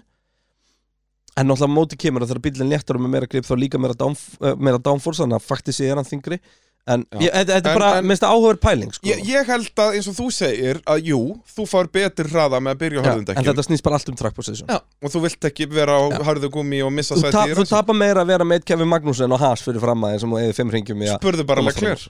Leclerc fer Herðu, já, wow, Leclerc- djúðan þetta er gott segway hjá mér Já, þetta var ekkert aðeinslega gott Leclerc fer loksins fram úr honum ég held að 37. hring Já, hann búin að vera bak við hann alla kemna Já. Og hann. eftir pitstoppin þú veist, þeir halda áfram að berast eftir pitstoppið. Þetta var alvöru fílagang Magnúsin öndurkötta hann já, já, og e, kemur út á undan og, og þetta var alltaf sama sagan. Leclerc fer fram úr í lokabeginni og Magnussen svaraði inn í fyrstu. þannig að Leclerc eftir pitstoppið þarna bara 30. hringa eða eitthvað þá loksins bara heyrðu ok komin upp að hliðina á honum í lokabeginni fer ekki fram úr, viljandi til að fara fram úr í fyrstu begi og þá loksins Hann svo steikt hvað hann beið lengi með það er mitt Já. Miða við að þetta er samili kler og sko byrjaði bara inn í fyrra á okkur í DRS-dansi sko Jep. hann hafi ekki fatt að þetta bara á 12. hring Já. sko. Bara búin að gera þetta tvisvar En þetta var uh, svona Já, aðal Talking pointi í rauninni er, Nei, ekki aðal út af Nei, Max. aðald på talking point er náttúrulega bara það að Max trafkaði yfir Sergio Pérez Þú veist, hann ræsi tíundi í keppni sem að, þú veist Miami er ekki fræg fyrir þessi auðvelt að fara fram úr eitthvað en vissulega Red Bullin hafi veist, það var alltaf svo sárt þannig að framan af þegar Max fór fram úr Alonso og Alonso, maður sá það Já. bara strax í fyrstu keppni. Og þarna og allir framúrakstra Max Sérstaklega í Miami Þetta var allt drep. Það Já. var, var engin að eða tíma. Jú, einn reyndi að verjast honum Örlítið, ekki mikið Það var Pierre Gasly Og hvað fekk hann fyrir það? Jú, Russell fór fram úr honum líka. Já. Þannig að Russell, nei, Gasly bara sannaði það Nei, þú mátt ekki verjast gegn Max Verstappen. Það er bara Já. það og sko, nei en þú veist ég bara, það er svo eftirminnilegt að horfa á það í gennum tímabilið hvað Alonso vissi að snemma að allt versus Max var tap. Já. þannig að þú ert bara að tapa tíma Og ég er ekki í þessu til að tapa tíma. Alonso hlifti Peres aldrei fram þessu sko, Nei, aldrei. Þú veist út af því að hann vissi að hann gæti haldið honum fyrir aftan sig. En, en Max ert bara að uh, pissin in the wind sko. uh, Alonso er mjög easy þriðasætti í þessari kefni og hérna en Max Verstappen á hörðu dekkjónum byrjar á hörðu. Þegar hann kemur út á milli öðrum dekkjum þá eru tíu ringir eftir og hann kemur út tveimur sekundur fyrir aftan Peres og hann endar 5 sekundum undanum. Hann ræsi tíundi og hann klárar 26 sekundum fyrir framann Alonso í þriðasætni þetta var Max Verstappen masterclass. Jep, já, bara þetta, bara hversu vel hann nýtti sér harðadækjastundið er bara next level, sko. Hann komið tveimur sekundum út fyrir aftan Peres, þetta er bara er bara rugl sko. Og svo náttúrulega flög hann bara fram úr og þetta var ekkert mál. Ég ætla að gefa Miami 6,1. Hann fór 0,1 meira en bara einn út af því að, nei, hún á að fá meira, þetta er kannski 6 6,3. Nei, þetta var- þessi keppni var dreip Já, nei, út af því að það, við vissum það ekki fyrir en þegar það voru tíu ringir eftir hverjum þetta vinna. Þetta var samt dreip Já, þess vegna fær hún 0,1 meira en bara einn. Ok, fair enough Út af í bara einn vissum við alltaf að Ok. Max var að fara að vinna 6.1, jú, ég gútur það ekki? Jú, Gútur það þannig 6,2 Nei, nei, 6,1 er solid Heyrðu, þá að komið að eh, Monaco. Já. Monte Carlo. Uh, Sjötta umferð tímabilsins. Uh, Og þar náttúrulega aftur Getum við eins og- talað, byttu, byttu, bræði Getum við talað um Monte Carlo? Á þess að tala um öskju eða? Heyrðu, Nei, nei, talandi ég um er ekki, öskju sko. sástu þarna fréttina um Max Verstappen? Nei. Að hérna, hann var dángreddar á bílalegu Er það svona leiðis? Ég veit ekki, þú veist, þetta gæti alveg verið bólaskítur en ég held ekki, þetta var bara svona í fréttamilum eitthvað svona slúðupressu Mm. og hvað var hann að lega sér? Hondu? Auðvita AMG Já GT, bara eins og öryggisbílinn Já, það er svo leiðis og hérna nema Korlan, eða, þú veist, það var eitthvað stelpa að vinna í bílulegunu, vissi ekkert hver það var Já og bara, nei, þú, þú ert á ungull með að lega svona öfnum á bíl. Þessi bíl er alltaf kraftmikill Þannig að hann var dángreddar inn í einhvern BMF Ég elska það að, að uh, stelpan vissi ekkert hvað Max Verstappen var og var bara, heyrðu, þú ert alltaf ungur, þú mátt ekki fá svona fancy bíl. Já. Það og gott gaf út frá sér einhverju yfirlýsingu sko að þeir hefðu nú Eitthvað verið sorry ja, nei, þeir hefðu nú að kannski geta gefið undan þá í þetta tilfelli Já. þessu tilfelli Gæin á sko Aston Martin Valkari heima hjá sér. Já og bara er þú veist þreifaldur í Formule 1 Já, hann er það líka Já. já, já. En ég kann að meta, sko, veistu hvernig Askja er uh, með umbóð sitt í, í Monaco? Veistu hvaða bíl er í síningasal Öskju í Monaco?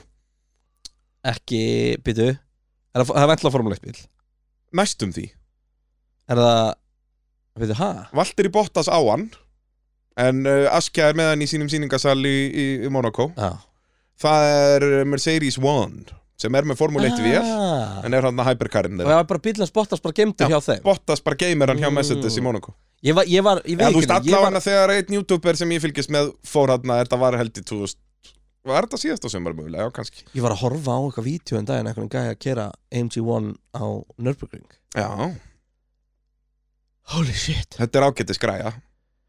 Þa, það, við erum að fá svo skemmtilegt era af stöppugæðugum bílum sem að sko, þú veist, við erum alltaf verið að fá þess að stöppugæðugur sem eru bara, þú veist, svona Lamborghini með öllum spoilerunum típunar og Pagani og eitthvað svona dót en þú veist, Aston Martin Valkyrie eh, Gordon Murray bílinn og svo núna hérna Og allir Og- e- allir hérna McLaren, P1 já, já. dæmið og það. svo þessi AMG Já. One sem er náttúrulega bara eitthvað bull Já, þú veist, þeir bara successfully gera það sem Ferrari feiluð í early 90s sem er að setja formúli vel í gutu Herði, ég, já, og samt er það miklu flott með þetta. Ég elskaði mér svo mikið að, í því vídjói að sjá hérna, því maður þekkir þú veist Benz svona UI-ið og dashboardið og, og það allt saman. Stílinn. Og Þetta er bara það. Já, já, Það er bara, þetta er bara eins og að kveikja á bara hérna bara S-klass Já, það er bara, þú veist, eh, bara einhverjum sem er sko. Já. Það er ekki einu svona að vera komin í einhvern 50 miljonar AMG sko. Nei, nei, Hérna, og það er nema bara bara Mercedes-búðin. líka, þú veist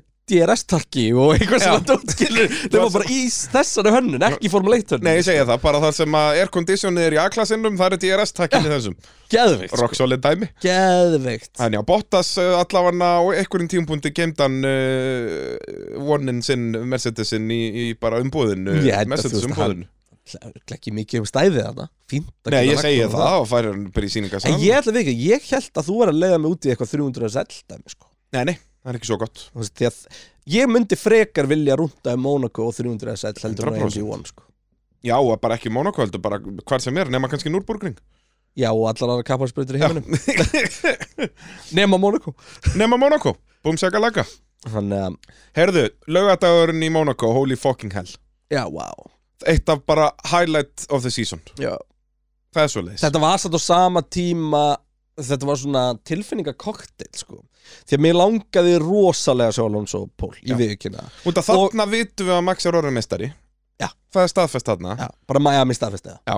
Þannig að þó að Max hefði verið annar þarna, það, það, það er samt ekkit verið neitt hjúts En bara, Nei, líka bara, ég held að Alonso keppnin ó. hefur verið svo styrtlu að Max að elda Alonso sko.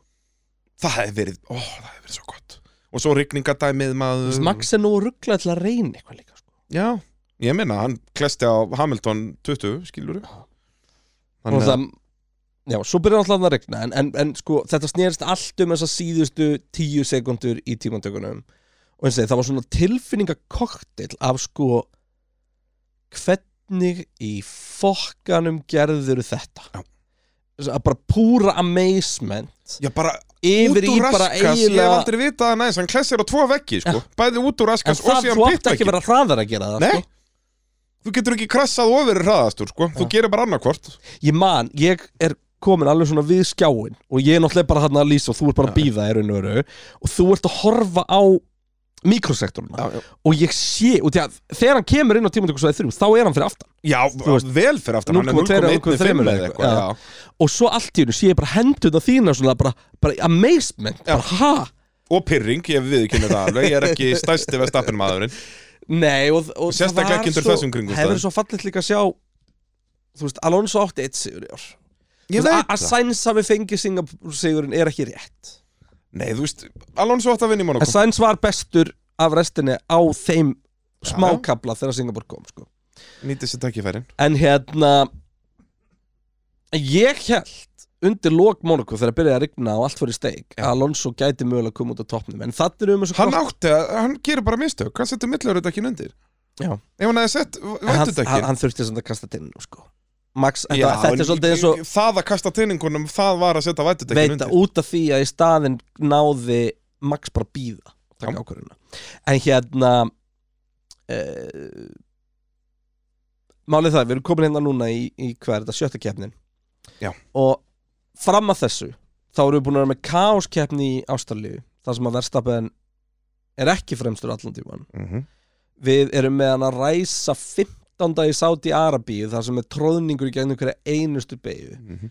við erum með hann undir fyrir tímatökusveiði þrjú í Monaco og einhvern veginn er hann að draga út þetta í keppni sjálfri kemur rigning sem er óvænt og, og alls konar en alltaf kemur þetta upp Max Verstappen. Jöp.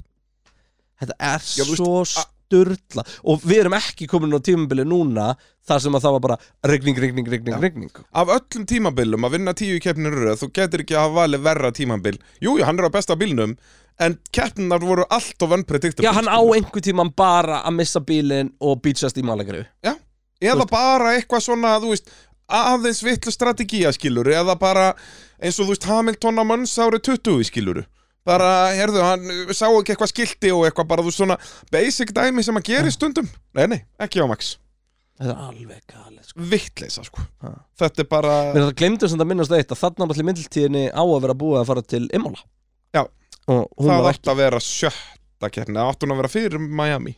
Var þetta ekki eitthvað fárhald? Var þetta ekki Nei, þetta ég að vera Baku, Miami, Imola veist, þetta var svo fáralegt 22 var ímóla fjórða keppni, sko Var, hún ekki bara líka eða átti hún að vera Þegar 15 eftir Baku var komin svo miklu framar Nei, Nei, átti hún ekki að vera þetta að vera Ástralía, Imola, Baku, Miami. Gæti nefnilega Gæti verið. þannig, sko. Bara hann, hann aftur hann að vera fjórða keppnin Já, maður svo Er það ekki bara það? Nei, hún átti að vera eftir Ma- Jú, hann átti að vera á milli Miami og Monaco Nú, svo náttúrulega annað í Monaco að Peres náttúrulega uh, bara staðfesti þá að hann ætlar ekki að fara að berast um hennan titil með að þetta út var það í öðrum hlutanum sem hann krasar eða fyrsta hann var í fyrsta Jú, hann startar aftastur eða það ekki? Jú. Hann er bara í síðast sæt alla fokkin jafna sko. já og hann náttúrulega klessir á sko tvisvar eða þrisvar. Já, hann var bara í- bombar aftan hann á var bara- K-Mag Hann og var bara í bullinu þarna. Sainz klessi síðan aftan á En Okkon og þarna allir var líka bara svo lýsandi Þetta sem við að tala um aðan Að þú veist Sergio Pérez lappaði ekki heill frá Miami. Það er bara þannig. En bara, hann var búinn á líka með sál. Já. bara það var búið að grafa hann leifandi það feti Miami Hann átti svona 70% stundismönnum þar Já. Þú veist, það var bara Og bara- Þetta var basically bara Checo Og svo Ferrari eða Hamilton Já. Þú veist, það var bara, það var og stúkunda komandi frá Baku þar sem hann var bara standandi í Max Já. bara þeir voru jafnpraðir Já. hann ræsir fyrstur, Max er níundi Já. þetta er bara easy Já. og þetta er líka Miami að við sem að taka fram Já, úr hún og... er bara pakkað Já. Og brautin er samt ekki eitthvað flókin eða neitt nei, skilur. nei, nei, nei, bara mjög basic kapasitusbröð Já. og þú veist líka það að ekki nóg með að það ætti að vera erfitt fyrir Max að komast fram úr Peres ef hann myndi komast í þá stöðu. Bara að komast í annarsætti fyrir Max átti að vera erfitt út af því að það er svo erfitt að taka fram úr. Nei. Eins og ég segið, hann var bara grafinn. Svo þetta atvik í tímatökunum í, í Monaco Já. og ég man bara, þú veist, það að hugsa maður bara, hvað ertu að gera Drake? Líka í fyrsta hluta, sko. Ég það. Ég, ég virði þetta í loka hlutanum Já, Bara kasta eldhúsvaskunum í þetta. Ah, samt ekki. Þú veist. Það, er, það er Já, já, 80% betra heldur en í fyrsta hlutanum ég meina, ef við bara horfum á hérna Hvað afsakið þetta? ekki að brjálaður? Berja hérna í eitthvað En, en ef við horfum bara á hérna Loka niðurstöðuna Sergio Pérez klárar 16. Tveimur ringjum á eftir Max Verstappen Já. Mér minni líka að Peres hafi tekið alls konar sensa í rigningunni En Já. það kemur rigning þegar það er 20 ringir eftir En bara til að setja í samengi Nei, Nikti Frís klára 12 Já. um, Esteban Okkon er á palli Já, og hann náttúrulega ræsir þriðji Já. Hann átti geggjaða tímatökur Og hann átti samt að Ferrari hann voru báðir komnir á undan honum En Ferrari gera sömu mistök og Alonso. Fara inn á medium Og hérna Já, þetta var svona, byrju, já, er þriði Já. Moment Já, já. bara, bara, what? Út af við náttúrulega vorum öll að horfa á Alonso sem að klúðraði þessu, hann stopp, tók auka stopp í rauninni en út af Ferrari klikkuðu líka þá tapaði hann ekki sæti af því Alonso endaði annar en uh, á endanum var þetta auðvelt fyrsta sæti fyrir Max. Uh, ekki auðvelt en hann endar fyrstur. Uh, og okkur endar þriði, ég gefi þessari keppni 7,5 hún er ekki alveg áttunni. Er þetta alveg 7,5 Já, fyrir Já, ma- ég út- ætlaði þetta er Monaco ég ætlaði frekar að fara hún væri kannski 7,8 sko, 7,5 eða ekki Já, Þú veist, út af, við þurfum líka að taka það í reikningin eins og þú segir, þetta er Monaco, sko. Já. Bara sæmileg keppni þar er alltaf 6,5. já, já, það er rétt Og þetta var góð keppni. Það er bara því að skella smá sónags á þetta og þá þetta verið átta sko Bara smá, Já, fá smá okkar. shine Okkar allra besta fólk, maður, komið sæl og blessuð. Uh, er eitthvað búin að fá með á Ferrari? eða? Það er allavega fullt af fólki búið að skrá sig Við getum kvitta undir uh, Ég postin á síðan ég, Bara undir þennan líka Og við, Það við draugum út með það og, og hérna Og sónags sérum það Og að, uh, að, að, verður Axeli dreigið út í þessum leik, eða? Ég kannski, er þetta í ykkur í fötu? Já, eða bara, við finnum þá bara einhver aðra mynd. Finnum bara Race for Glory, það getur verið svo lit og hún kemur setna einhver tíma. Þetta Lancia Já, Lansi átti í dæmið. Ég reyndar, ég heldur, hvað getur verið, hún kom bara ekkert í bíó á Íslandi. Þetta er eitthvað svona tiltölulega low budget mynd. Þá rættu við því Við græðum það bara, er við fáum þetta bara í bíóparadís eða eitthvað. Smára bíó getur ekki klika. Herðu, þá er það loka keppnin sem við ætlum að fjallum í þessum þætti sem er spátt, sjönda umferð eh, mótsins. Það var ógeðslega skrítin keppni Því að hún Já. var einhvern veginn Þú veist, við erum alltaf að, Það vorum, gerðist allt, en það gerðist ekki neitt. Við töluðum um það þarna uh, Þegar við vorum að koma til spánar Að okkur vantaði svo þessa keppni Því að þú veist, frá uh, Bahrein vorum við ekki búin að fá neitt sem mætti kallast eðlilegt Þú veist, Miami var næst því En bara þú veist, svo kemur Jeddah sem er þessi götubröð Ástralja sem var kaoskeppni Og hérna er svona semi-götubröð En samt ekki Svo vorum við með hérna Náttúrulega bara Monaco. Monaco og, og, og, og, og þar er rigning var svona loksins, heyrðu ok, nú bara eðlileg keppni. Nú sjáum við hvernig gokkunaröðun er í Já, en hún var ekki eðlilega en svo að Stroll var að pakka Alonso sko. Já, við vorum, sko, ég man að ég var að lýsa torfæru eða ykkur um djöflunum, eða ég var að gera eitthvað, ég lýsti ekki tímatökunum þegar, Ja. ég man það. Hvernig voru, var ekki, þetta var svona hálfpartin rigningin samt ekki? Var ekki bara svona einhver, voru menn á intermediate, eða var þetta ekki bara svona dropar en allir á slikum? Jú, var það ekki Minni þá, bara ískallt og skýjað Já, og bara, bara geða eitt skrýtnar hvað Peres fór út í malagrifjuna eins og hann meinum í lagið, uh, Alonso gæti ekki neitt, Já, Peris ræsir 11 Já. Alonso ræsir 8 Þú veist, og Stroll sjötti eða eitthvað. já, Stroll 5 Já. Norris allt í hennu komin upp í þriðja Já, og Það er ekki komin uppfæsla, sko árakstur í fyrstu beðið honum. Já, en það er ekki komin uppfæsla þarna, Nei. sko Þetta var bara Norris störtlaður í þessum erfið aðstæðum Og, þú veist Og þetta átti svo mikið Þetta var einhvern veginn bara, ó, maður næstu í með Pólinn í, í hérna Monaco eitthvað vanni, þú veist, Alonso Já, Barcelona. komið til Katalóníu bara eitthvað og bara BOOM, tapa fyrir stról Já.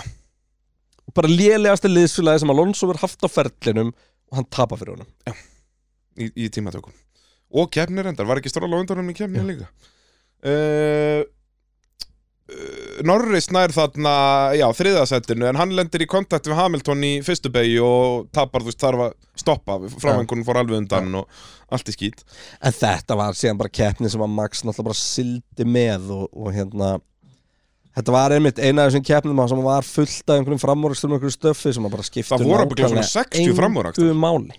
Það eina sem var áhugaðart þarna var Ferrari gegn Mercedes. Ég held að það var meir en 60 Já, öruglega, þetta var bara á hverjum einasta ring tók ykkur framúrin í fyrstu beigju og það var alltaf á sama stað, það var bara inn í fyrstu beigju Já. En, uh, já, Mercedes Ferrari slagurinn var áhugaverður því að Ferrari, þú veist, í byrjun keppni eru Mercedes í tómi 65 fram, fram Sko, nei, djúðlega þetta gott gísk. Nei, fyrir ekki. 49 sem sagt on track. Já. Sandvort var 112 Miami var 52 Mástu Já. vorum að fara í gegnum þetta daginn. Akkurat, akkurat.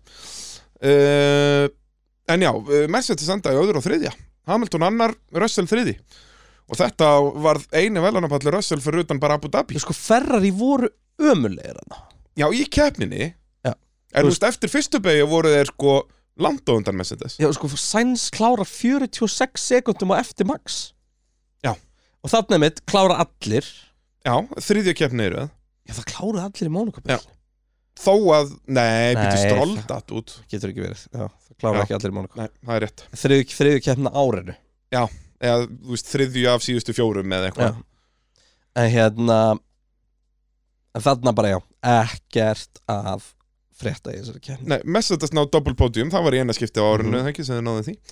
Uh, Þannig að þeir voru komin í góða stöðu í, í mótinu En uh, já, ég ætla að gefa spáni uh, Svolit 6, í verður, hún verður að vera minn en 6, er þetta ekki 5,5? 5,5 En það? Það var ekkert var í þetta Já, þú veist eins og segja, fullt af framuröxtur, menn þeir skipta einhver máli Já.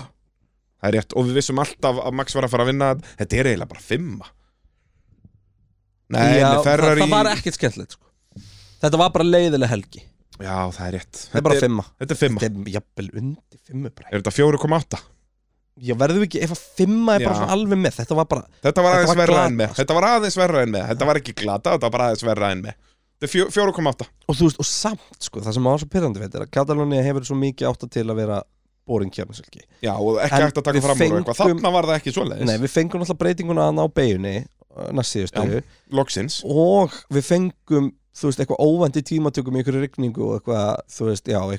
í súlt eða hvað svo getur kallað Já, þetta Þannig að, já, já, þess vegna er þetta fjór Mögulega mögulega leiðilegast keppni ársins. Já, hún er upp þér. Mér þetta er ekkert annað í hug, svo fljótu bræði Við komumst að því eftir tvær vikur Þegar við erum búin að reyta allar. Þetta er eitthvað annað í hug á tímbilinu sem var glatað? Mm, Ekki svona í fljótu breiði En eins og við segi, við, við ætlum ekki að spóila því núna. Við erum eftir að fara yfir Það eru tveir þættir í viðbót. Uh, Og við ætlum að halda áfram uh, Að viku liðinni Hér í pitnum. Það er nú bara svoleiðis. Heldur betur. Heldur betur Já, þakka fyrir okkar að sinni Elskum ykkur eins og alltaf Já, Það breytist ekkert þótt að vera komin nýtt ár Já, stokkar á, á hlustandum okkar er Next. alltaf jafn heit, sko. Next. Reyndar, já, þú veist, ég elska bara pitgrúðið samt, sko. Já, já. Þess að sögur almúi, hann má hoppa upp í raskat á sér. Nei, ég elska